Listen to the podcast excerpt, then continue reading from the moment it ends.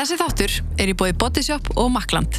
Í nýju Makland bóðinni kringlunu finnir þú allar helstu Apple vörurnar og einnig eru þeir með viðkent Apple verkstæði.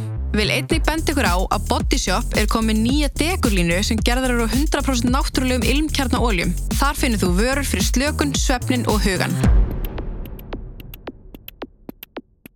Herri, ég ætla að bjóða okkur velkomna. Herðu, Brynhildur, Já. þú ert að skrifa bókina, Já, er það ekki? Og Eva Dís, Já, þú ert búin að vera svona talskona í rauninni bara fyrir þetta umræðefni hvað í mörg ár? já, síðan 2016. 2016. Mhm. Og þið eru að gefa út bók sem, sagt, Mhm. sem um hvað, ef þið segjum bara frá, um hvað er bókin? bókin heitir Venjulegar konur, vændi á Íslandi og er eh, í rauninni upphálega sögur sex kvenna sem að hérna eru í vændi, Mhm. eða hafa verið í vændi og uh, uh, þær eru sérst að bara segja sína reynslu og segja frá sínum upplifunum. Og svo uh, skrifaði ég í rauninu utanum það einhvers konar svona samhengi. Samhengi við umræðuna eins og hún er í dag. Samhengi við hugmyndir okkar um vændi og hvað vændi er og hvað það er ekki. Um, lagasetninguna sem er náttúrulega gríðlega mikill umræðu núna við fjöllum um hana. Mhm. og svo bara hvað er til ráða, hvað er framundan og, og hvernig getum við breytt þessum veruleika. Því að, því að það kemur alveg fram á fyrstu síðu bókarinnar að, að, að við erum ekki og ég er ekki hlind vændi og, og, og finnst uh, lögleiðing væri eitt af versta sem að bara mögulega geti gerst í þeirri stöðu en ef þetta sér auðvitað uppháskona bókarinnar þannig að hún ætti kannski að segja frá því Já, þú fekst hugmyndin að bókinni, er Já. það ekki? Og er langt síðan að, Já, ég var svona búin að ganga með þetta síðan svona haustið 2019 vor 2020.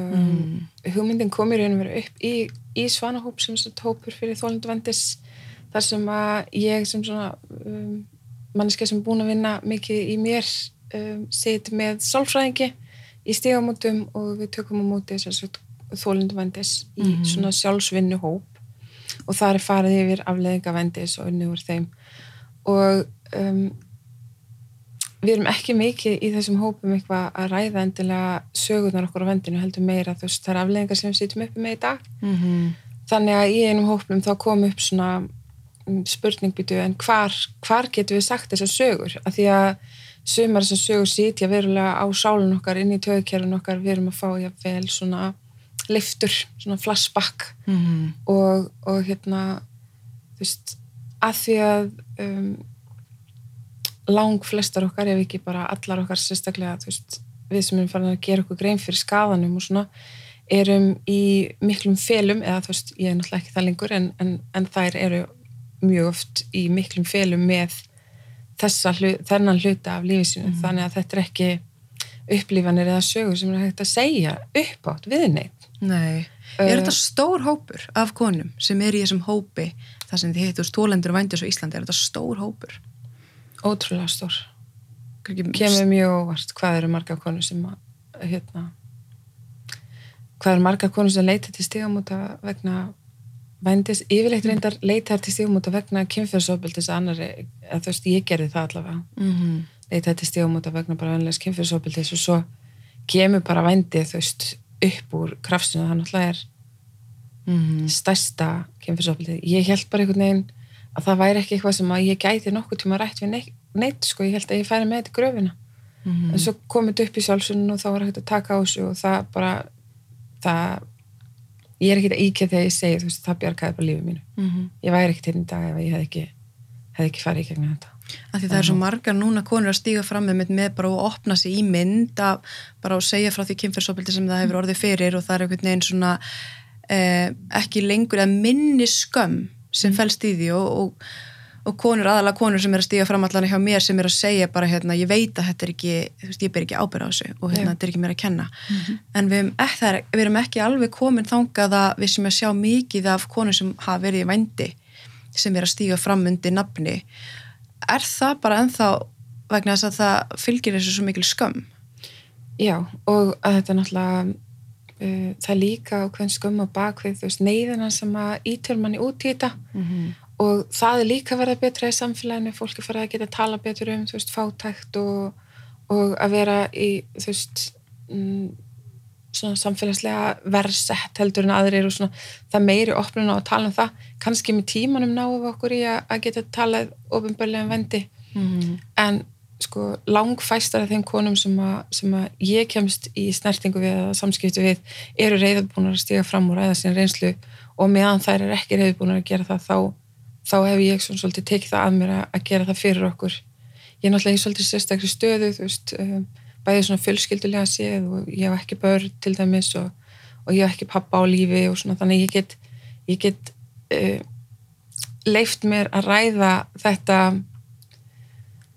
þrátt fyrir að ég viti þú veist það særir, særir náttúrulega fólki næstmanni og það er líka ástæðan fyrir því að konur ekki reyðbúin að stíga fram og ræða þessar reynslu sína. Vegna þess að það allir sem að e, þykja væntumann eða, eða eru manni tengdir einhverjum tilfinningum þetta, þetta særir fólk, þetta er virkilega mm. sásök fyrir fólk, ekki bara að vita þú veist að maður hafi leiðist út á þessar braut heldur bara að vanlíðaninn sem var yfirleitt á bakveða um, þú veist, fólk fær svona já, sjálft skömmustu tilfinningu og líka verður bara svona sárt að hafa ekki vita að lífið hafi verið svona erfitt og maður hafi þurft að gera þetta. Mm. um, en, en hugmyndin baka bókina þú veist, var að já, því að þessi saga þessi, já, það kom upp í hópa hvar getum við sagt svona sögur? Og fyrsta hugmyndin var, mér langaði að gefa þeim plattform til að seg, segja svona sögur og þá hugsa ég, ok, bók. En svo var líka mér fannst einhvern veginn svo skrítið að væri ekki svona meiri svona samfélagsleg reyði eða svona ákveðni í að, að útrýma vænd á Íslandi, að leifa þessu að grassira í okkar samfélagi sem er svona lítið og, og hérna, þetta bara svona viðgengist að fólki neyð, þú veist, veikar konur, fátakar konur, að það er, það verður bara svona samfélagslega, ekki samþygt en svona bara viðkjönd með því að hunsa það að mm. þetta væri í gangi. Við fannst einhvern veginn ég gæti bara séð að það er vegna þess að fólk gerir sér ekki grein fyrir hvað þetta er. Það gerir sér ekki grein fyrir hvað ofbeldið þetta er. Mm. af því ef að vennilegt fólk getur bæði vissi það að þetta er bara verulegt ofbeldið sem setur í tögakerfinu og einstaklingum í, í já, bara út lífið. Ef að vennilegt fólk gerir sér grein fyrir því að þetta er ekki eitthvað bara svip og það er að upplifa sjálft þú veist í sínum söfnabörgi með sínum maka ef fólk gerir sér grein fyrir því hversu mikið ofbeldið þetta er þá fær það kannski standa með okkur mm -hmm. þannig að það er svolítið það sem bóking gengur út á að, að koma þessum sögum inn á heimili og inn í þú veist lestur hjá vennilegu fólki til þess að fá það svolítið kannski með okkur í lið því að eins og ég segi, þetta eru konur sem að þóra ekki stiga fram, það vil ekki segja söguna sínu til nafni mm. um, og já, þannig að við þurfum stuðningin frá samfélaginu. Mm -hmm. Og við þurfum líka sko að sem samfélag að gera okkur grein fyrir hvaðan hugmyndur okkar um vændi koma vegna þess að það er í rauninni, þetta er í rauninni svo flókið sko. Mm -hmm. Að því við lítum á, við höfum nokkrar ímyndir til dæmis af fólki eða konum í vændi og ég segi ég nota mjög náttúrulega mikið konur vegna þess að það eru 90% af þeim sem eru í vændi eru konur, allavega 90% um, að sko við höfum einhvern veginn þessu hugmynd annarkvort um að þetta séu bara konur sem að finnst bara allt geggjaði kynlíf og langar bara til þess að svo hjá sem flestum og langar alltaf að vera með öllum hafa einhvern veginn engin mörg og engar svona, engar tilfinningar í raun og veru. Mm -hmm. eru bara einhverja kynlífsvílar um, hins, svo höfum við líka þá hugmynd um einhverja svona rosa göfu að vændiskonu sem einhvern veginn er að forna sér fyrir einhvern og, og, og, og þá finnst ég að vel einhverjum kaupendum þeir vera rosa góður og göfu líka hjálpenni með því að greiðanni og svo framvegis. Mm -hmm og, uh, og, og svo höfum við einhvern veginn líka þessa hugmynd eins og Eva var að segja að þetta sé að þetta sé kynlíf mm -hmm. en ef við hugsum um skilgreiningar á kynlífi sem að er að þú veist vera sagt, gag, fólk sem að, sem að saman, saman stundar einhvers konar kynferðislega leiki báðum til ánægu eða kynferðislegt aðtafi báðum til ánægu þá er það náttúrulega ekki það þá er mm. vændi ekki, ég meina vændi er ekki kynlíf og þess vegna er orðin eins og kynlífsala eða kynlífsvinna bara svo bara það, það, það bara gengur ekki upp mm. í raun og veru sem mm. bara sem hugtak vegna þess að þetta er ekki kynlíf ef við skilgrinum kynlíf sem eitthvað sem tveir einstaklingar njóta saman af virðingu og, og væntumþykju mm. og ef það er ekki kynlíf hvað er það þá? En svo líka, svo er svo umræðan verður sko Hvað, en hvað með þann hóp sem skilgreinir það fyrir, fyrir sig að þetta sé kynlíf og hvernig getur við einhvern veginn mæs, hvernig getur við átt þetta þessa umræði einhvern veginn án þess að það verði svo mikil, svona mikil reyði Mhm. milli einhverja tveggja hópa eins og nú hefur maður séð á Twitter og annar staðar á Facebook svona tveir hópar sem er að rífast og ekki þú segja mér hvernig ég er að upplifa hlutina Mhm. svo er annar hópar sem er að segja sko en, en þú veist 90% af fólki er sammála mér og upplifa það sama Mhm. Já, sko samkvæmt rannsóknum, mjög mörgum rannsóknum, eru 90% þeirra sem eru í vændi vilja hætta því. Það gerir það til dæmis að verkum að meira í löndum þar sem að vændis kaup og vændis sala, þar sem að afglæpa væðing hefur átt sér stað, Mm. þar sem að bara vændi er löglegt. Meira í þeim löndum eru það ekki nema einhver 10% fólk sem að vill skrá sig og fá þá þau réttindi sem að, sem að þessi sem skráning í verkefælisfélag, ofnbjörn skráning færir. Um, 90% vilja ekki skrá sig bæði vegna þess að það er ofta tíðum fólk kannski af erlendum uppruna sem hefur hvað sem er ekki réttindi í landinu en líka vegna þess að fólk er alltaf að reyna að fara að hætta. Fólk langar ekki að vera í, þessu, vera í þessari aðstöðu. Um, þannig að við getum bara samkvæmt þessum rannsóknum gengið út frá því að 90% þeirra sem eru í vændi vilja ekki vera í vændi, vilja hætta því. Hinn 10% eru þetta til og það er ekkert hægt að ákveða fyrir þau.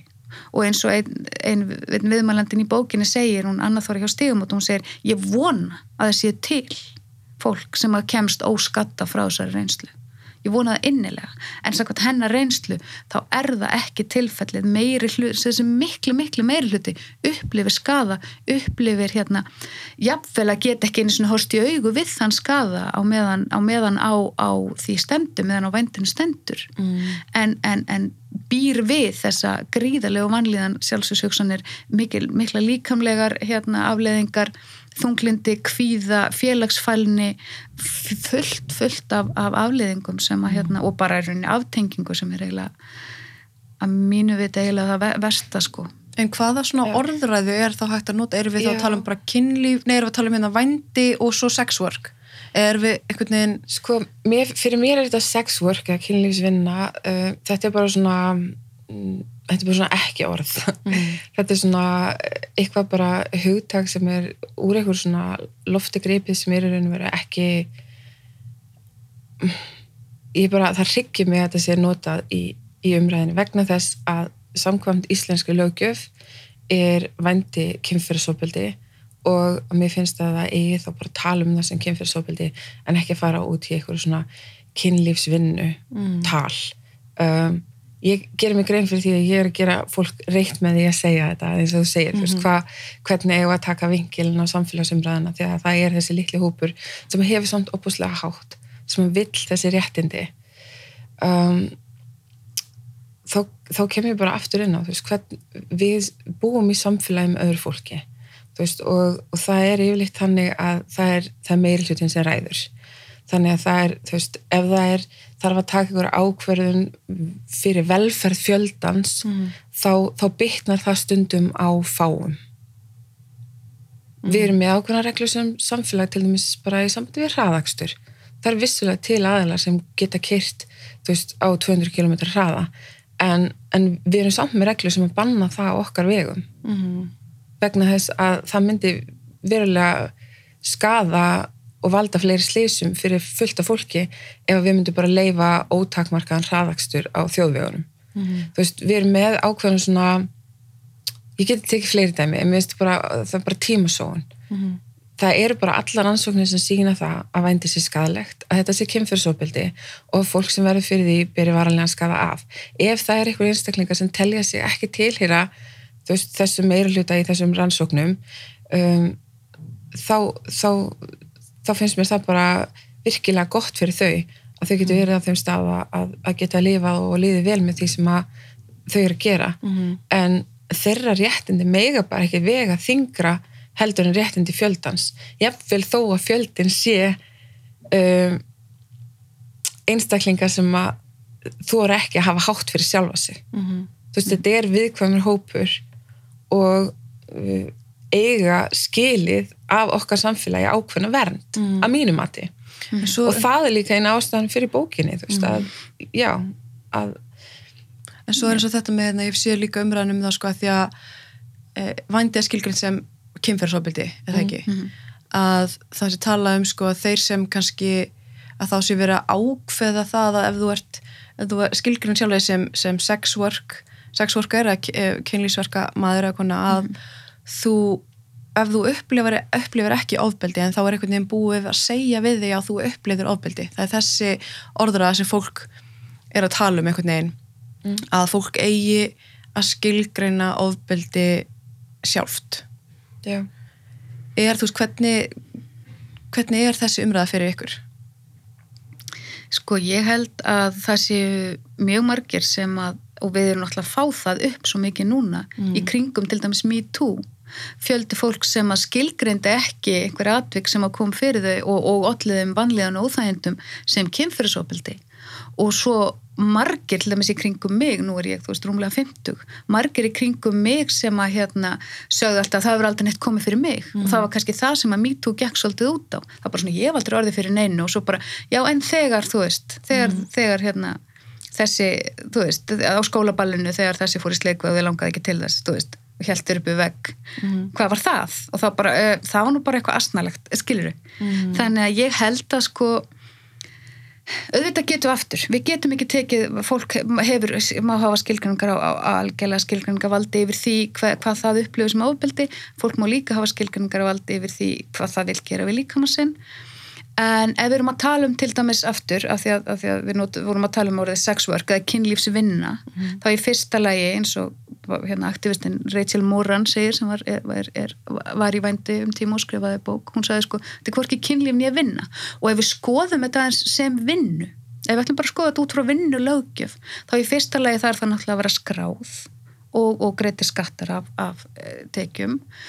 Um, ef þú, meina, ef þú ætlar að, að uppfylla heilbriðisstandarda í, í sambandi við þessa vinnu, þá í rauninni ættir það að vera í bara fullum COVID-galla þegar þú ert á stundana vegna þess að alls konar líkamsvessar með alls konar, hérna, alls konar veist, all, allir sem að komast í snertingu við líkamsvessar til dæmis eru í ákveðnum hlýðarbúnaði sem að í, eftir, í vændi þá er fólk bara, segja það, þá eru margir, margir kaupendur sem vil ekki einu svona nota smokka hvað þá að það sé þú notaður hanskar eða, eða grímur eða, og svo framvegið sko. þannig að þetta fellur ekki undir bara heilbriðis hérna, heilbriðislöggjöf nú um, annað varðandi vændi sem vinnu að það er í engu starfi ert þú í rauninni eh, svona aðgerðulegs eða passífur og meðan einhver gerir eitthvað við þig?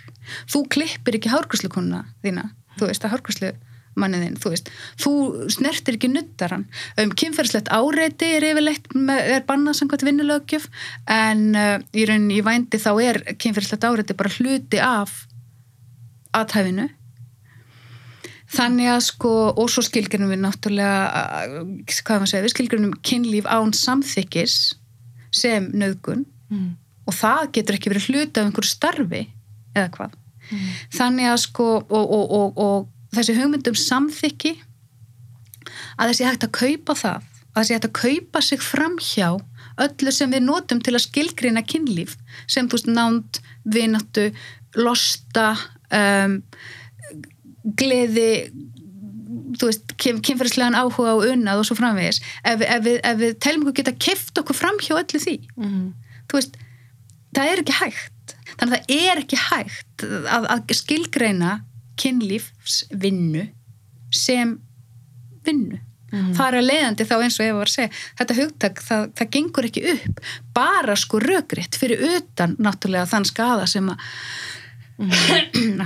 sem að hérna sem þetta getur valdið, valdið einstaklingum um, og, og það er líka annað sem ég held að sé mjög lítið í umræðinu en sem að það er talað um á stígamótum, það er að við erum náttúrulega bara líffræðilega hérna við erum, við, við erum líffræðilega dýr og við erum líffræðilega þá, þá finnst okkur óþægilegt við, segja, við viljum geta valið hver kemur mjög nálægt okkur.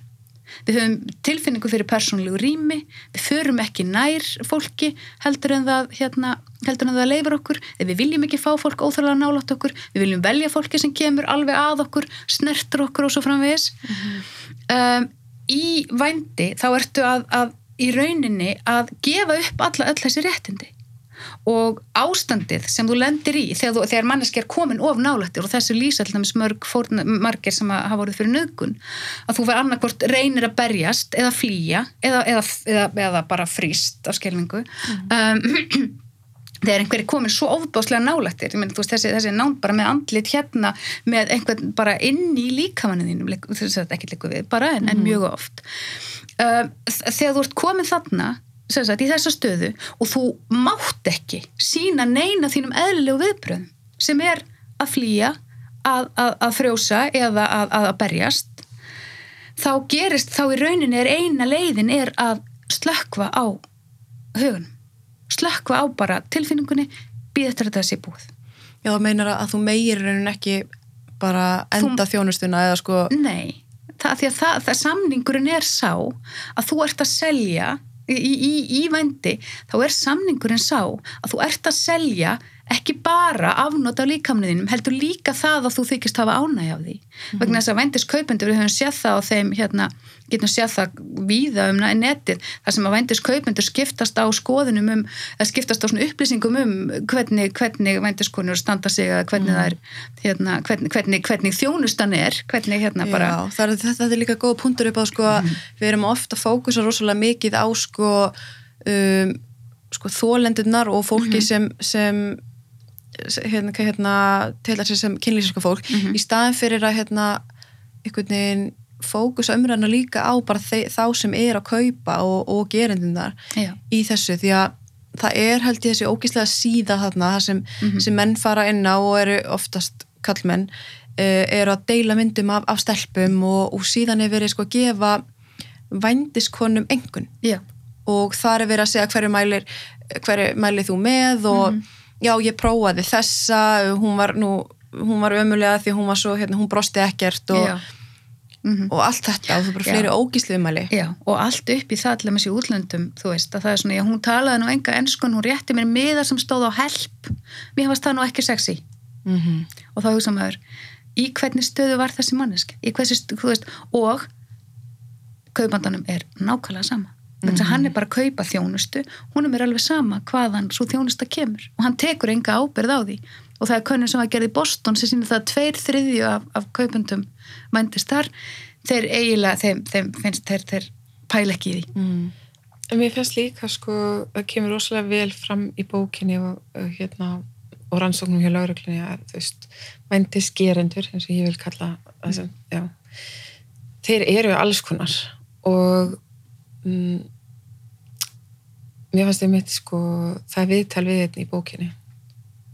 Og mér fannst hans lýsing uh, ástæðan fyrir því ég baði um að koma fram í bókinu var að því ég hef aldrei hýrt uh, Karlmann lýsa sinni reynslu af að kaupa konu á þennan hátt. Um, það er kannski gaman að taka það fram að síðan þá, síðan bókinu var skrifið eru fleiri Karlmann búin að koma til mín með, með með svipaðar lýsingar af vanlíðan eftir eftir eftir vendi. Eftir að hafa verið að kaupa. Já. Og hvernig upplifa þeir þetta?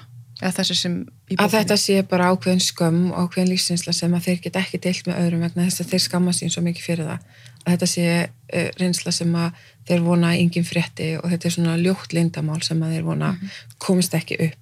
Hann og við veitum öll sem að höfum átt eitthvað ljótt lindamál að það er ekki, það er ekki þægileg tilfinning þannig að þeir eru líka margir að byrjast með þetta. Ég er ekki að segja allir, það er alveg til vendiskerendur sem, sem að finnst bara allt í lagi að, að kaupa aðra mannesku og nota hann þennan hátt og finnst þið bara verið fullum rétti til þess að gera það. En oft hérna, gerist vendi í, í, í samfélagi við aðra kallmenn í, á íþróttaferðalögum, í vinnuferðum þar sem eru margi saman og þá kannski upplifa sömur ákveðin þrýsting.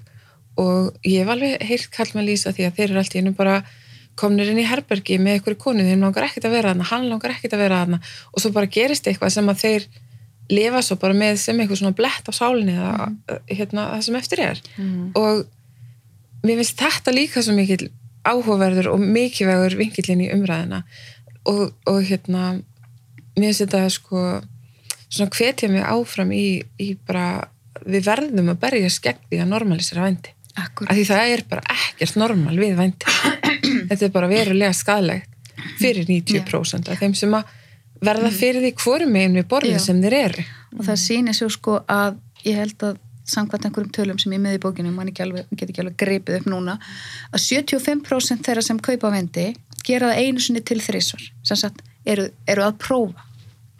Og ef það væri bara hægt að, að hérna já og, og það er náttúrulega það, það að þeir gera þetta einu sinni til þrísvar og gera það svo ekki oftar sýnir það að þeir upplifa ekki einhverja veljiðan eða, eða, eða hérna, og þetta eru erlandaransóknir þú veist, þeir upplifa ekki einhverja veljiðan eða, eða finnst þetta bara frábært og koma út úr þessu bara glæður og kátir skiluru, heldur eru þetta menn sem að, sem að, sem að þeir, þeir, þeir gera þetta vegna þess að þeir hafa einhverjar ákveðnar hugmyndur um hvað vændi er. Síðan þegar þeir koma á staðinn og, og, og, og fremja það þá einmitt upplefa þeir nánast ekki, ekki bara þessi að beita konnuofbeldi heldur nánast sjálfa sig. Eða ganga yfir mörg sem að þeir vil ekki ganga yfir. Og ef það er hægt að hérna taka þess að svo kalluðu prófara og gera þeim grein fyrir hvað vændi er þá erum við strax að minga eftirspurnina töluvert mikið.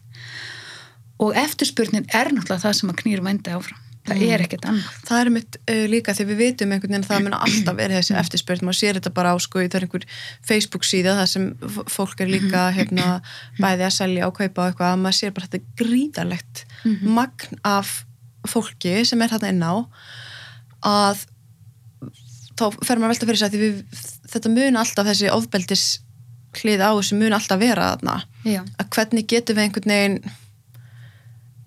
hvernig getum við komið í veg fyrir það að konur sem eru til dæmis í neyð sem einhvern veginn sjá kannski enga aðra leið Mhm. hvernig getum við um, hvað segir maður, hvernig getum við passað að, að hérna að þær verði ekki fyrir ofbeldi eða sko þessu svona þessu sko að því við, maður hefur alveg séð orðræðina sem er bara þú veist þeir eru raunin að lýsa er bara hvað er voru að gera og þeim er alveg sama þótt að hún hafi þú veist reynd að stoppa það eða þannig. Mm hvernig getum við passa það einhvern veginn að, að þær fari óhuldar úr þessu? Er einhver leið?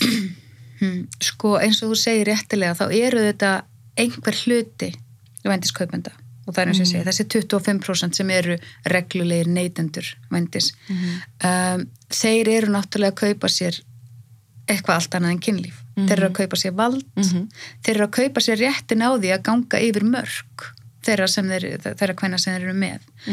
Og sem að sína sig í því að, hérna, að þeir hérna, vilja sem sagt, að þeir, þeir eru ofta að tala um að þetta er hluti sem að makar þeir allir vilja ekki gera eða venjulega stelpur á djamminu vilja ekki gera en þeir líta á vændiskonuna sem einhvern veginn ekki venjulega stelpu eða venjulega konu heldur einhvern sem þeir geta bara borga fyrir að fá að gera eitthvað, eitthvað við eða, eða láta gera eitthvað við sig Mhm.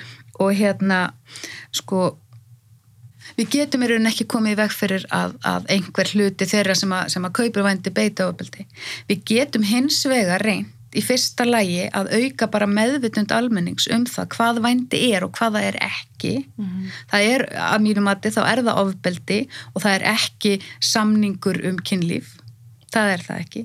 Og eh, við getum líka sko gert konunum sem að verða fyrir þessu ofbeldi auðveldara með að koma fram að leita sér hjálpar að leita til dæmis sko eh, margar kvennana þær lýsa í rauninni tvíþættri skömm. Annars vegar, eða það sem ég talaði við annars vegar skömminni gagvart sjálfum sér eða ekki sagt, fyrsta, fyrsta leið skömminni gagvart samfélaginu skömminni gagvart þeim sem að hérna, fjölskyldinu sinni og vinnu sínum og, og því að hafa neðist til þess að fara út í þetta en líka skömminni gagvart sjálfum sér að hafa að þér það er orðaða valið þetta sjálfur.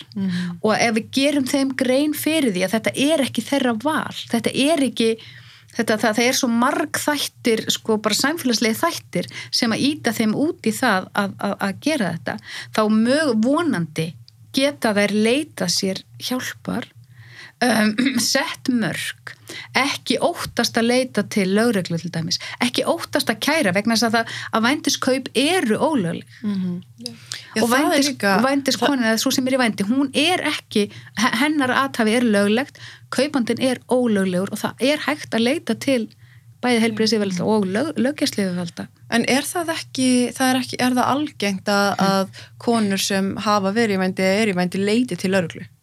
Uh, nei, það er ekki algengt nei við upplifum ekki mikinn stuðningin á lögreglunar því miður þess vegna er þessi bók líka bara opuslega nöðsilegt og ætti náttúrulega að vera bara skildulesning fyrir alla í löggjæslu sko. Mhm. um, já, En Það það, er- er, það er í rauninni, þú ert að gera neitt rámt þegar, að þú, þegar að þú ert í vændi en það er náttúrulega ólulegt að kaupa. Já. já en sko í sambandi við hvernig vendum við veist, þessar konur um, það er náttúrulega það er svo margt sem gerist á leiðinni áður en maður stígur skrefið inn í, inn í vendi Mm um, og það væri opuslega gott ef við hefðum sterkara velferðarkerfi, sterkara sterkari jöfnu þó við á Íslandi stöndum vissulega vel með við aðrar þjóðir þá samt erum við ekki á góðum stað þar. Ef það væri bara betur haldið um, um viðkvæma þjóðfélagshópa -hmm. það væri til þeim stort fyrsta skref. Mm -hmm.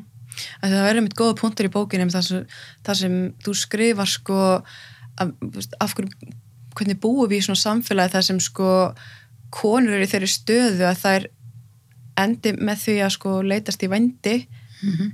og yfirleitt er þetta hvítir kallar sem eru að kaupa vændið Já. Þú veist, hvernig, af hverju erum við ekki þarna strax eitthvað sem þarf augljóslega að hérna, þetta er bara stórt vandamál Já. þetta er stort vandamál og, og sko um, segjandi sjálfa því að nú sko eftir að ég flytt heim frá Danmarku eftir að ég er tætt í vandinu og er komin heim þá lendi ég til dæmis í að missa pappa minn og lendi í tveim bílslýsum og nöðgun og reyndar, já, fleiri áföllum bara á hálfa ári og ég er dett út af vinnumarkaðanum ef að pappi minn hefði ekki akkur að dáða þessum tíma og ég hefði fengið einhvern arf þá hefði ég neðist til að fara út í vendi aftur föðurarfurinn fóru í að retta mér í þessum veikindum vegna þess að velferðarkerfi það grýpur ekki einstakleika þarna var ég í fullri vinnu, stóð mig vel þessum með góðu laun og svona.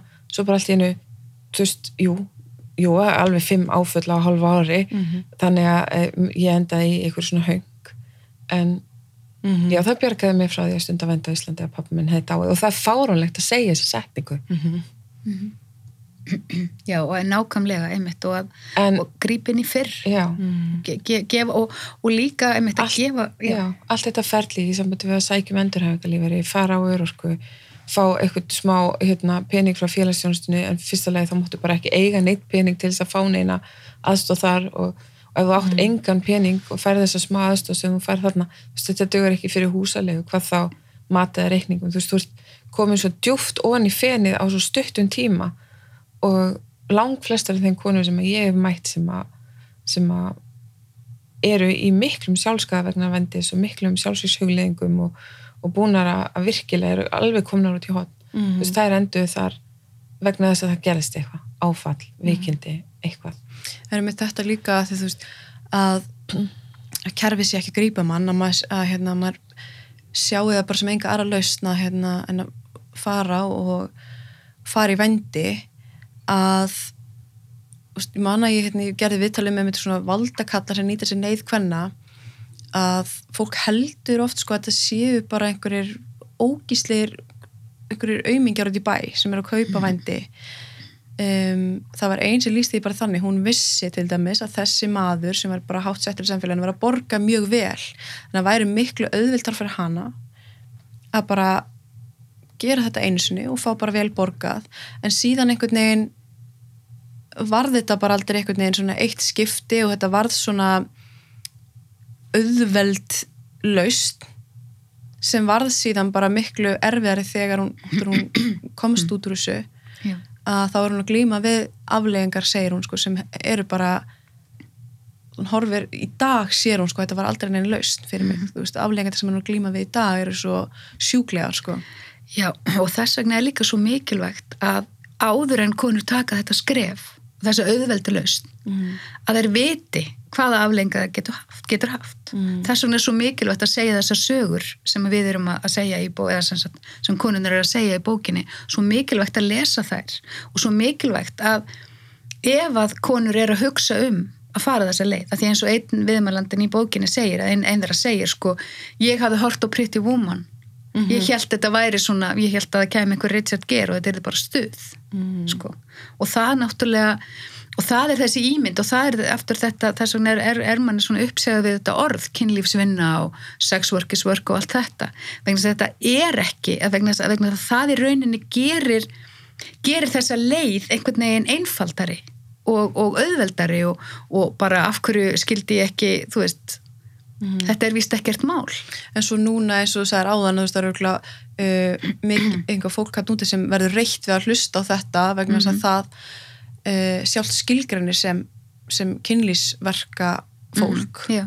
að, að það svona þú veist hvernig getur við tala fyrir einhvern veginn annað, annað fólk og allt þetta að mér finnst oft svona þetta svona erfið umræða upp á það að maður mað veit ekki svona hvernig að því ég man að hvort ég hafi lesað í bókinni að sko hvort þessi spurning hvort að fólk þurfi kannski bara að vera á þessum stað í hausnum að, hérna, að, það, að það njóti þess að gera sem er að gera Já, ég get vissulega sagt það, þú veist, að fyrst þegar ég byrjaði í vendinu þá var ég alveg þarna.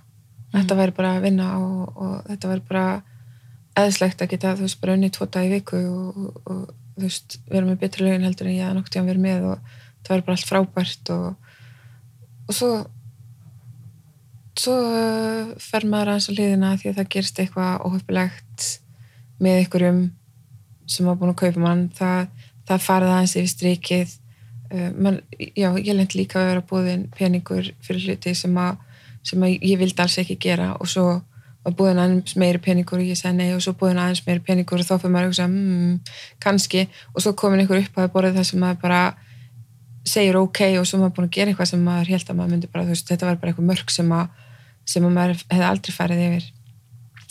Þannig að, þú veist svona atvik smá saman, þú veist, byggjast upp og maður fær svona ákveðið ógeð og ákveðið útolerans ég er svo ákveðin heppina því að þessum tímapunkti stígur maðurinn í mitt líf sem að sem að ekki gegnum vendis tek það fram um, sem að hérna uh, bjarga mér einhvern veginn út úr eða þú veist, ég get hægt og ekki verið með tekið smá tíma hann sér fyrir mér um, þetta hljómar úrslega bara eins og vendi líka en Nei, en hann var raunin að hjálpa já, já, við fyrir, endur sem er bara að fara í sambúð þú veist um, Mhm. og hérna vorum að reyna eignast fjölskyldu og tímbili og svona Mhm. en allavega hérna þannig að ég hef alveg prófað að vera þarna sjálf og ég er ekkert að segja um, það breytist verulega fyrir mig og ég veit að fyrir mjög, mjög marga þá breytist þetta yfir ég verða verulega skalegt og þetta fyrir að sitja tilfinningarkerfunum hans og tögukerfunum hans og, og maður verður ég verð veik bókstaflega og margir lenda í því en það er þetta pínlítla prósent ég ætla ekki að afneita því, það er þetta pínlítla prósent sem getur þetta Mhm. og með fullri virðingu fyrir þeim ég vil virkilega, virkilega sína þeim þú veist, ég vil ekki tala niður til þeirra ég vil ekki, þú veist, ég vil mæta þeim bara það sem þau eru, með virðingu fyrir því að þau geti gert eitthvað sem að ég gat ekki og meiri hlutina okkur getur ekki Mhm. uh, og ég hef alveg fullt að kærleika fyrir þessu fólki og bara vil sína rauðreglifin og þeirra talskonum bara mína dýpstu virðingu en með virðingu verði ég samt að segja að ég get ekki tekið réttindi þeirra fram yfir réttindi allra hinna Mhm. bara ég get það ekki því miður Mhm. þessi löggjöf er bara alveg ofbúslega nöðsynleg og meiri segja sko væri bara mjög nöðsynlegt að styrkjana og bæta úrræði fyrir hérna, okkur sem hafa búið skada af það er alls konar úrræði sem okkur vantar eins og til dæmis bara fjárhagsaðstóð út úr vendi og, og, og betri meðferðar úrræði það er langur byggðlisti hjá stígamótum núna. Og það getur bara verið lífshættulegt fyrir konu sem er að stíga út úr vendi að þurfa að býða í sex vikur eftir viðtali. Mhm. þannig að þú veist, það er alls konar svona þú veist, mín barótt að snýra því. Og með fulli virðingu fyrir talskonum rauðreglifinar, þú veist, allt sem að þær er að segja, það skemmir verulega fyrir okkur hinn um, Já. ég byr virðingu fyrir því að þær geti gert það sem þær er að gera. En, en ég bara því mér get ekki leift um að, að skaða þú veist, fólki sem ég tala fyrir. Mhm. það bara, ég tek það ekki mál. Og þær hafa eh, náttúrulega stundum sagt eh, talað um að það sé verið að í rauninni einhverjir einhverjar konur í, í, í valdastöðum með einhverjir reyðir öfgafeministar að tala niður til þeirra og þeirra vals en hér erum við með í þessari bók sex konur sem segja sögur sína Mhm. þannig að þær hafa líka rödd og þeirra rödd verður líka að fá að heyrast Mhm. og, og verður líka að Já. fá vægi í þessar umræðu er og sex- hefði alveg getað verið fleiri í Já, bókinni það sem ég er að segja. Já. já, já. Þetta, er, þetta er ekki spurningum að, að við höfum veist, farið að grafa eftir einhverjum sex Mm. konum alls ekki um, bara á stígamótum uh, ég held að beði Bjarkarlíð úr stígamót því ég tóku viðtal við sem sagt fulltrúa frá hvort tveg báðum samtökum Mhm.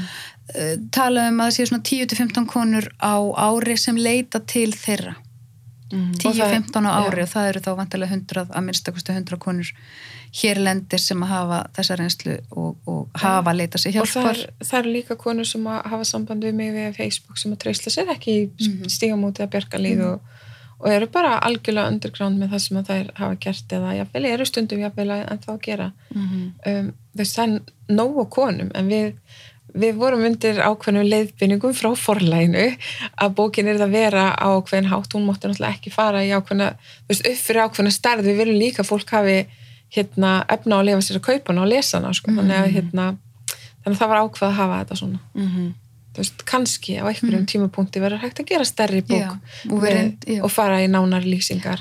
Og reyndum akkurat- líka mitt að velja svolítið þverskurð. Já, það var líka svolítið það sem var hugsað við erum með konur hérna á öllum aldri sem voru í vendi á öllum aldri.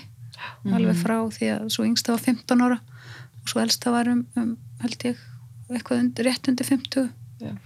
þannig að þetta er, þetta er breyður hópur sem við erum með þarna líka. Og það er kannski líka svo mikilvægt að sína það.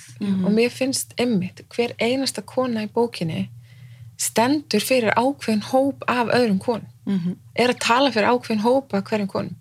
Þannig að þó að þetta sé saga einstakrar konu þá er hún samt að tala fyrir svo margar. Mhm. og þetta eru ekki þetta eru ég manni var að lesa gegnum bókina og, og þetta eru konur sem eru sko hafa sjálfar valið, ef maður getur sagt farið í vændi. Mhm.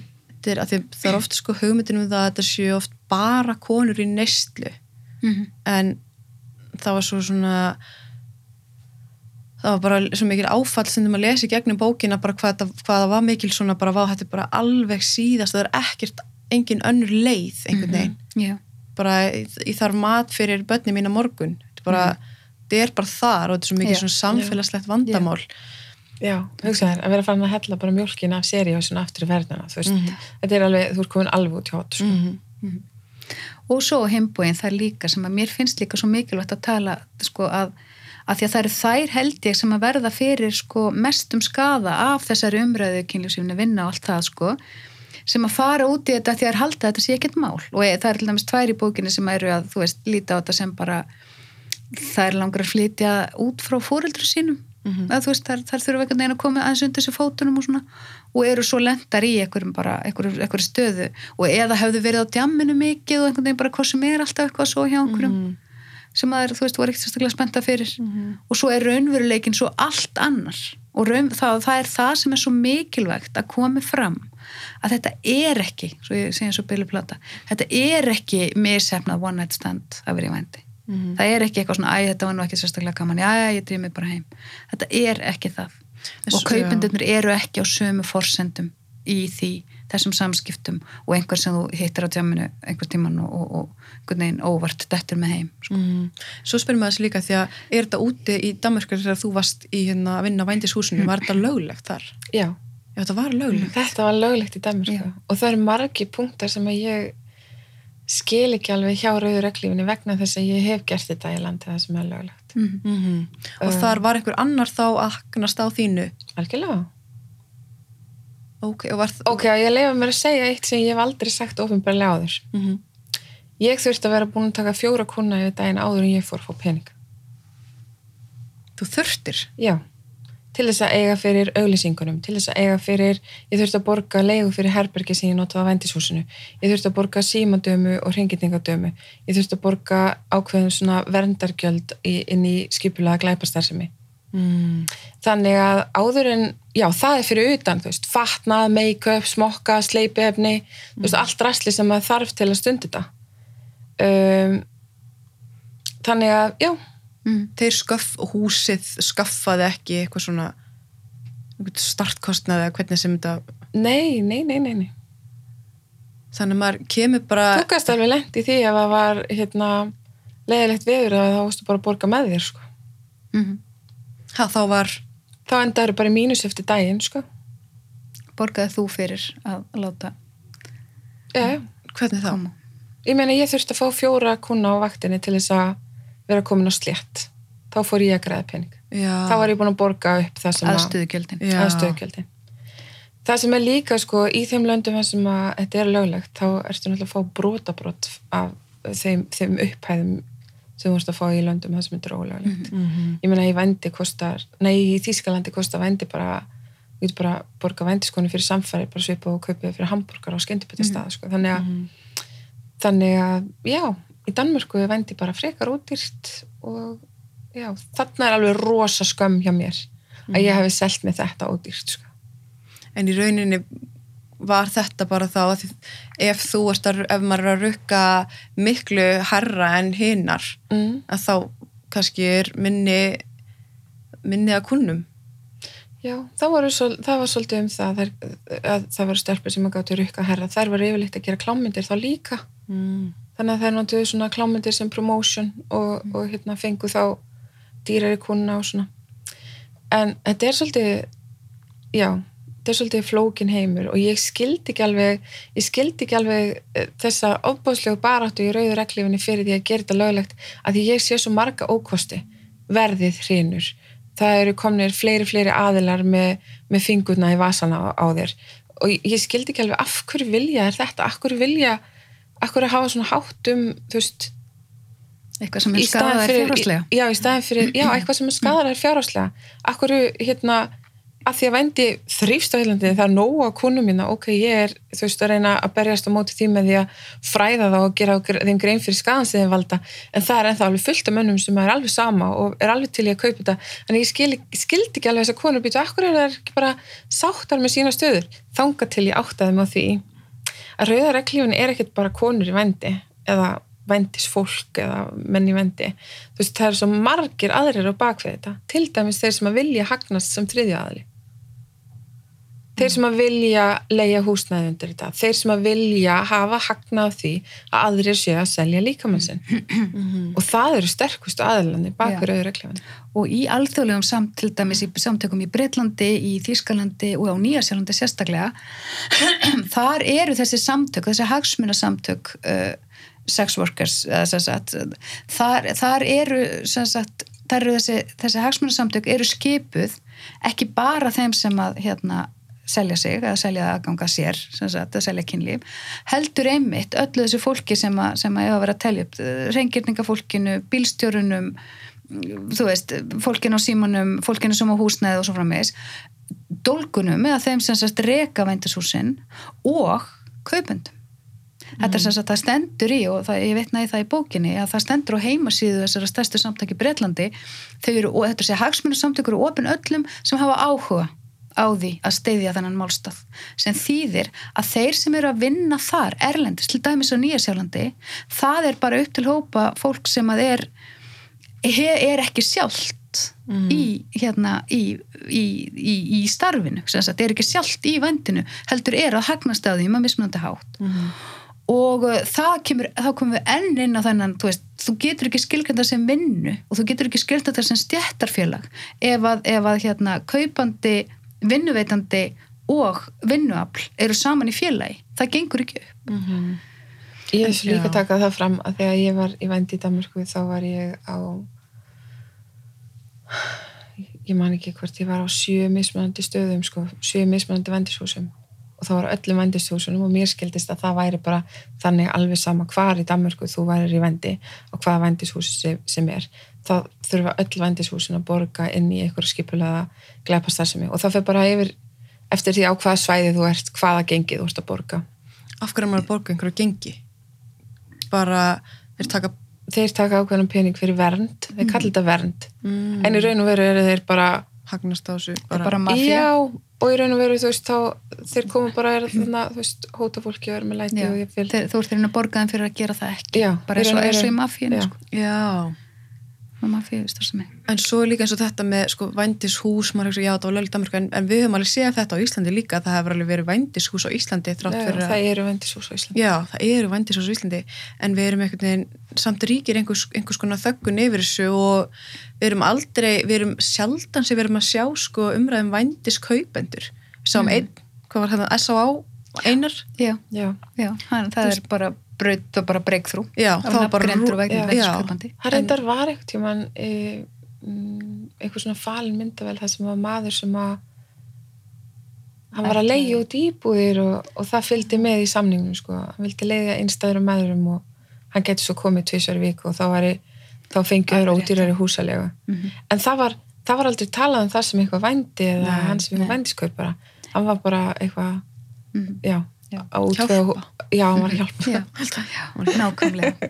Og það, það er náttúrulega það sem að og það grassir á leigumarkanu í dag eins og Mhm. þú veist, hann er núna þú veist, að, að konur eru já, Mhm. að leifa þetta Já, og það var meira að segja hann Gilvi Þór Þorstensson sem hefur, hefur verið með umsjón með hérna flottakonunum, Já. flottafólkinu frá Úkræna Mhm. hann var einmitt að segja það líka að, hérna, að það, það hefði kallmenn haft samband við mann og bóðist til að hýsa ungar konur Já. gegn, Já. þú veist og, og það er náttúrulega eitt að bara ógnulegsta sem að maður En það er þetta alltaf þessi nafnleind vegna þess að það er ólöglegt að kaupa vændi. mm Það er ólöglegt. En af hverju er svona mikil nafnleind yfir í þessu manni hérna Katalínumálinu, Mhm. það var sko lokað. Já, Mm.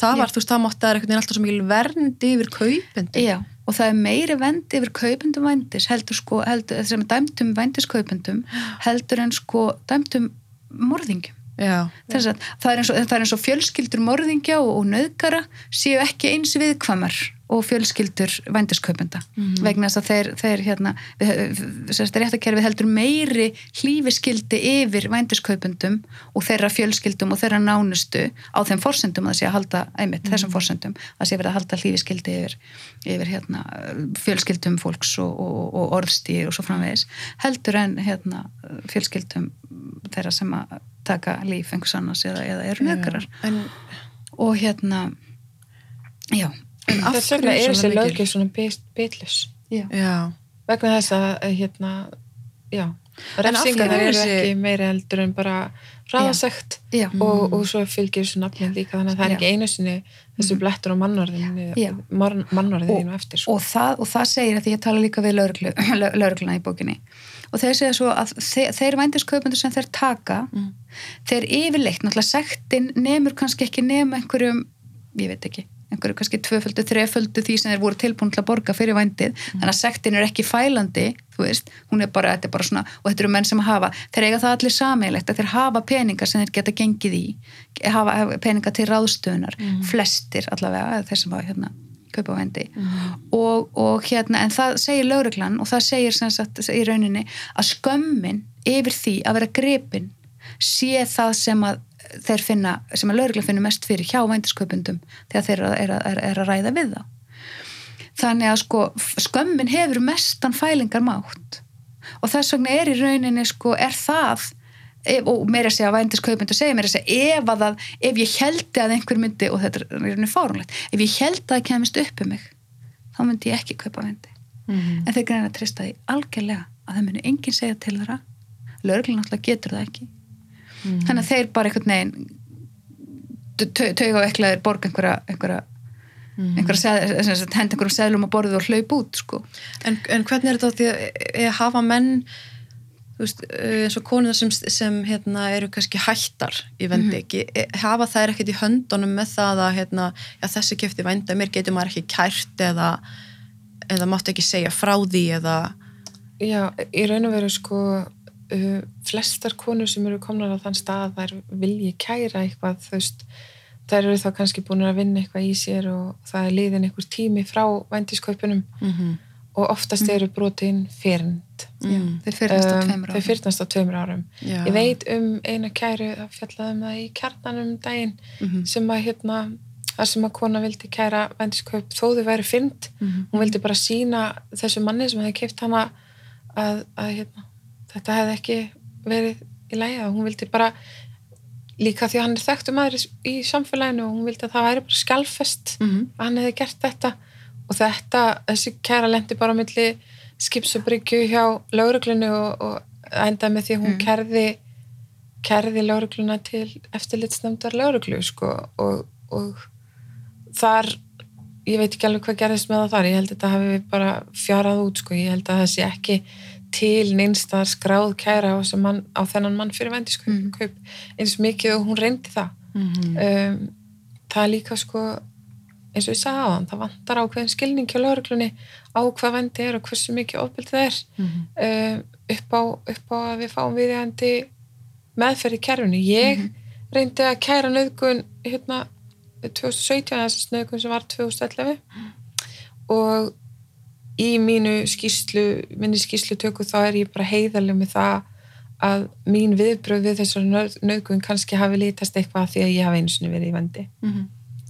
og ég held að ég hafi bara drepið mál mitt þarna bara með þeirri setningu sko bara Mhm. skotið það niður. Ég fann það bara mjög skýrt að að það var ekkert ekki að marka mér eftir það sko Mhm. og mínu máli vísa frá. Þessi maður var svo sakveldur fyrir, fyrir fimm aðrar uh, aðrar auðgar mjög svipaði minni sko. Já, hann var sakveldur. Já. Jóhannes Tryggvi Sveinbjörnsson stjórnu meðferðar Já. Mhm. Já. Mm, Það er gott að hann, fyrir hann fekk líka alveg háa, hann fekk hann ekki átta ár. Ég, er, er, já, ég held að það hefur verið sex sko. Já, samtals. Mhm. Já, ok. Af því það var fyrst dæmt í fjórum málum og svo einu. En, en þetta náttúrulega sko að, að sænska Mm. leiðin sem að gengur út á það að sakfella eða sem sagt er raunin að glæpurinn sé kaupandans Mhm. en ekki þess sem að, sem að selur vændi. Hún hefur verið við líði á Íslandi í held ég 15 ára eitthvað Mhm. mm og er að mörgu leiti náttúrulega bara sko en, en, en er samt gengur ekki nógu langt að, að, allavega að mínum mati og er kannski meira einhvers konar svona hvað maður að segja, svona samfélags viðhorfa mótandi vegna þess að við erum bara þannig meiri hlutin af okkur að ef eitthvað er bannað þá gerum við það síður þannig að það hefur, hún hefur ákveðin fælingamátt Mhm. á, á, á þá sem að annars myndi kaupa vændi og það sýnir sig að í löndum þar sem að vændi er, er sagt, alveg frjálst hefur, þar sem afglæpavæðing hefur náð fram, þá eru fleiri kaupendur eftirspurnin eikst og þar en það eikst mannsal vegna þess að það eru það fáir sem að vilja, fáir konur sem að vilja að fúsum og frjálsum vilja vera í, í vændi. Þannig að, þannig að það er en, en, en það sem að kannski sko þyrti að gerast með, með sænskulegin eða þess að segi sko fyrst og fremst að aflétta þessari naflind af þessum glæp og þessum hérna lauraglan hefur stundum farið í svona rassýr í raun og veru, þú veist, fyllt eld auglýsingar og, og, og, og hérna og, og, og tekið, tekið sem sagt En getur það ekki verið að fylgi bara ákveðin nafnlind vegna þess að þetta eru kannski líka bara uh, svona merkilegir menn í samfélaginu? það getur er, það ekki alveg verið? það er mjög góð punktur sko Eins og við sjáum, erum að sjá bara eins og hjá S.O.A. þú veist, Mhm, já, og, að það séu starfandi vændishús í dag. mhm Ég meina, það er bara mjög mjög góð, mjög góð punktur og það er auðvitað, og það er náttúrulega en aftur, við viljum ekki vera svoleiðið samfélag. Mm. og ef að það er raunin að nafnlend vænd, yfir vændiskaupendum er vegna þess að þeir séu of merkilegir til að megi komast upp um þá mm þá náttúrulega Er enn mikilvægur að þá koma upp um enn mikilvægur að koma upp um það og enn mikilvægur að, að, að hérna að taka, taka, þessa, taka þennan slag og þessa samræði Mm, því við erum oft sko með rosalega mikla samúð fyrir sko kaupendum. Sko aumingja hann, hann fekk ekki að ríða heima á sér eða aumingja hann, þú veist, hann bara þurfti ekki til að tala við eða hún er leið svo illa þennan daginn. Að það er oft þessi orðræði sem að verði vitni af á sko netinu finnst mér. Já, og en eins og, eins og en samt erum við ekki einhvern veginn að fókus á einhvern veginn afleggingarnar af þeim sem hann sko kefti vændið af. Já, já. og við getum svo sem alveg sett þetta upp líka þú veist, mynd, myndi okkur finnast bara allt í fínu lægi ef við værum kannski með bara einhvern sem að langaði rosalega mikið til að berja, hvað maður segja unglingstreng með dökkan húðlitt myndi okkur finnast eðlilega, ungan mann með dökkan húðlitt myndi okkur finnast eðlilegt að ungur maður með dökkan húðlitt hefði þá bara rétt á því að láta lemja sig í hálftíma á þess að berjast á móti af því einhvern aumingja mann langar svo mikið til að fá útrás fyrir þessar langanir sínar. Við, það- um leið og við tökum um leið og við tökum vændi og setjum það í eitthvað annað samhengi eins og til dæmis með hraðasturinn eða þetta samhengi þá sjáum við hvað það er fáránlegt að það viðgangist í samfélagi og, þú veist, og hvað það er fáránlegt að við þú veist höfum, að við, að við, við yfir höfuð bæði sagt, að við séum að reyna að tala fyrir því að það verði ennþá aðgengilegra eða ennþá auðveldara að, að, hérna, og að við séum að reyna að tala fyrir því að tala það upp sem einhvern valkost fyrir ungar konur eða ungt fólk að, að, hérna, til að, til að einhvern, einhvern, einhvern, er einhvern starfsferils valkost. Fyr, fyrir utan sko að þú ert í ástasambandi en þarfst að leita annað til þess að fá kynlíf um, þá, þá er alveg spurning sko, þarfst þú kannski að fara og vinna í þínu ástasambandi? Er eitthvað sem þú getur gert til þess að, að makinn þinn væri opnari fyrir því að stunda kynlíf með þér? Ef þetta er eitthvað svona um,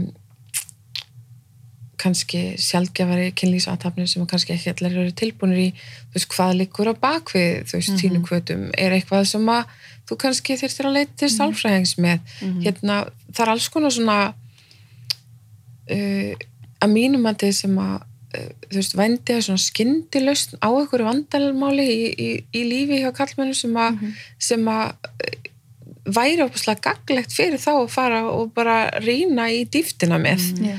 um, og í raun og veru er vændi þú veist um, bara í skalegt fyrir þá líka því að þeir eru þá, það eru þá hvernig hlutir hjá þeim sem að þeir eru þá ekki búin að vinna úr. Þetta væri svona eins og þú færi með svöðusára á bráðmótökuna og fengi bara plástur og þú sendur heim vitandi það að þú verður að koma fjóru dögum setna og fá sauma sko. um, Já, mér finnst þetta líka, mér finnst þetta oft líka snúast eða finnst mér orðræðan þegar maður sér þessa kalla undir nafnlend á netinu vera að tala um þessa hluti að þeir segja oft sko, þetta er eitthvað sem ég myndi aldrei gera við konuna mína en mér langar þess að bara prófa það og, lang, og, þeir, og þeir þú veist, sjá einhvern veginn bara þeir prófa það á þess að þeir bera enga virðingu fyrir manneskunni Nei, nei, þeir halda hún sé og þeir, þeir þurfa að ljúa því að sér að hún sé öðruvísi heldur en aðra konur. Þess vegna heiti bókinu venjulegar konur. Mhm. vegna þess að konur, konur í vændi eru venjulegar konur bara alveg eins og allar hinnar konurnar og, og með, með allar sömu tilfinningarnar og, og, og þrátnar og, og, og, og, og allt það sko. Einu munun er að það eru í viðkvæmari stöðu Já, og þurfa peningin Mhm. og eru reyðbúnar að, að leggja sig undir í þessu valda og ég vægi Erum við, erum við þar, vitum vitu við til þess að það sé vænd, starfandi vændishús á Íslandi? ég veit ekki til þess, það kom allavega ekki upp. Það, þær konur sem ég talaði við voru allar störfuðu allar einar, voru yfirleitt ekki í neinum tengslum við aðrar konur í ein sem hafði einhver smá tengsl við, við að vissi af öðrum. Mm en þær voru allar einar, allavega þess að ég talaði við. En ég, einhvern veginn, kemur mér ekki á óvart það er vendisjós á Íslandi, já -hmm. en þau sem að, það sem ég veit um er það sem er verið að selja aðganga konum sem eru nýslu mm og Hvers- svo eru já. konur fluttar inn líka og við vitum það, Mhm. það, það er lauruglan veit það og, og hérna og, og, og já, já, það er Já. alveg mannsalsringi starfandi á Íslandi Já. Mhm. Er þetta eitthvað sem þetta ratar aldrei í fjölmjöla? Þetta ratar aldrei einhvern veginn á yfirborðið? Mér finnst fólk oft sko ekki gera sér grein fyrir þessu vandamál í samfélaginu að því þetta er svo falið einhvern veginn. já. Uh, já, hvað Já. vonist þið til að hérna, bókin geri fyrir í rauninni fyrir þann sem les bókina? fyrir þann sem les bókina Mm. fyrir þann sem les bókina vona ég að hann fái bara innsýnin í hann heim og kannski uh, bregðist við af sinni réttlætiskenningu í kjölfarið. Mm og ég líka í kjölfærið á þessari umræða því að nú sem sagt, er ég, hef ég umgekist mikið unglinga og við unnið gert fræðslumyndin um kynlíf fyrir unglinga og svo framvegis. Og ég bara vonast svo mikið til þess að þeir tala um það nokkrar í bókina þeir hafa einhvern veginn ekki haft neitt nema pretty woman til að leita í eða hugsa ok, ég er spáið fyrir vændi um, eða spáið þess að sagt, ég, ég sé þetta sem möguleika í, í minni neyð eða í minni stöðu. Mér langar að leita mér upplýsinga og þá, þá, þá eru engar upplýsingar það eru ekki upplýsingar, það er pretty woman það eru, eru nokkra bækur sem upphefja frekar vændi og reynslu vændiskonu mm fólk, fólk sé vændi af, af því að vera í vændi og, og það sem endar á því að það, kynnast einhverjum ríkum og sem verður ástungin af þeim og, og svona, svolítið óþægilegt svona þarna á milli sko -hmm. en, en ég vil bara að, að ef fólk hefur, er að velta fyrir sér að fara í vændi og að velta fyrir sér að kaupa vændi að það hafi þó allavega mögulegan á því að kynna sér nákvæmlega hvað það er að fara úti og hvað það er að kaupa Mhm. og líka að af því að ég skoða orðræðina sem að er til dæmis í kringum rauðuraklífuna og, og hérna og það og ég fer svolítið í það að, að hvað maður segja, að bara taka hana sundur og, og, og, og taka þá rökræði og taka þá það, það samtal Mhm. og ég, þannig að ég vonast líka til þess að fólk fái fái hérna, já, bara fræðist Mhm. og gerir sér grein fyrir því að vændi er ekki hérna pretty woman, það er ekki ekki kynlíf, það er ekki vinna, það er ofbeldi og það hefur skelvilegar afleðingar fyrir meir hlutana þeim sem að í því lenda og eins og ef að segir bæði kaupendur og þá sem að selja. Mhm. Það er líka sko svo mikilvægt að því að Brynhildur fór í alla þessa rannsóknarvinnu að í þessari bók er, eru heimildir og skrásetningar og mér finnst persónulega opbúslega gaglegt að þær séu núna bara komnar á eitt stað og það er bara hægt að flett upp í þessari bók og nálgast, nálgast sem sagt rannsóknir og heimildir fyrir öllu því sem að við erum að segja hérna núna. Já, Mhm. það sé ekki bara alltaf verið að kasta nei, þetta er ekki svona, nei, þetta er ekki hins einn mm. það er hægt að vísa í einhverju tölur bæði íslenskar og erlendar og þær eru allar þannig í bókinu og allt skráð sem heimildir Já, Mhm. og við einmitt lögðum í ríka áherslu á það vegna þess að umræðan er svona og vegna þess að, að einmitt, þú veist, þessi, þessi umræða uh, á, á vegum, á Twitter til þess á vegum rauðuröklefunum og svo framvegis þá var svo mikilvægt að hafa að geta stutt allt, þannig að allt sem að kemur fram í bókinni er stutt hérna, greinum, rannsóknum og Mhm. sem sagt, ekki, ekki, ekki skoðun mín persónulega á því Mhm. og ég verð að segja það líka og ég hef náttúrulega verið alveg svona að því að það kemur fram í bókinni að einu sinni hugleiti ég er mitt að fara þessa leið Mhm. að þá var ég verknin í þannig stöð í lífinu og, og gerði það ekki Mhm. en síðan hef ég svolítið hugleitt hvað hefði gerst svona öðru hvori hefði að poppa upp í kollin á mér og, og þess vegna var það mjög mikilvægt og ég held að sé alveg ofbúslega mikilvægt fyrir fólk að sko gera sér grein fyrir, svo ég segi það ennþá einu sinni hvað vændi raunverulega er. Það er ekkert romantist við það. Það er engin ást til sölu. Þetta er ekki kynlífsleikja king Mhm. þetta er ekkert af þessu. Svo getur ef þú, þegar komið með þessar upplýsingar þá getur þú valið fyrir þig og það er enginn sem getur bannað það. En lest allavega þessa bók áður en þú Mhm. áður en þetta er í hug að fara þessa leið Allir að þetta séu svona fullkomin loka orð hérna hjá okkur. Það er bara aðeinslega að fá okkur og takk aðeinslega fyrir að koma. Takk fyrir að leiða okkur að koma Takk fyrir að taka. Að sjálfsög. Takk fyrir.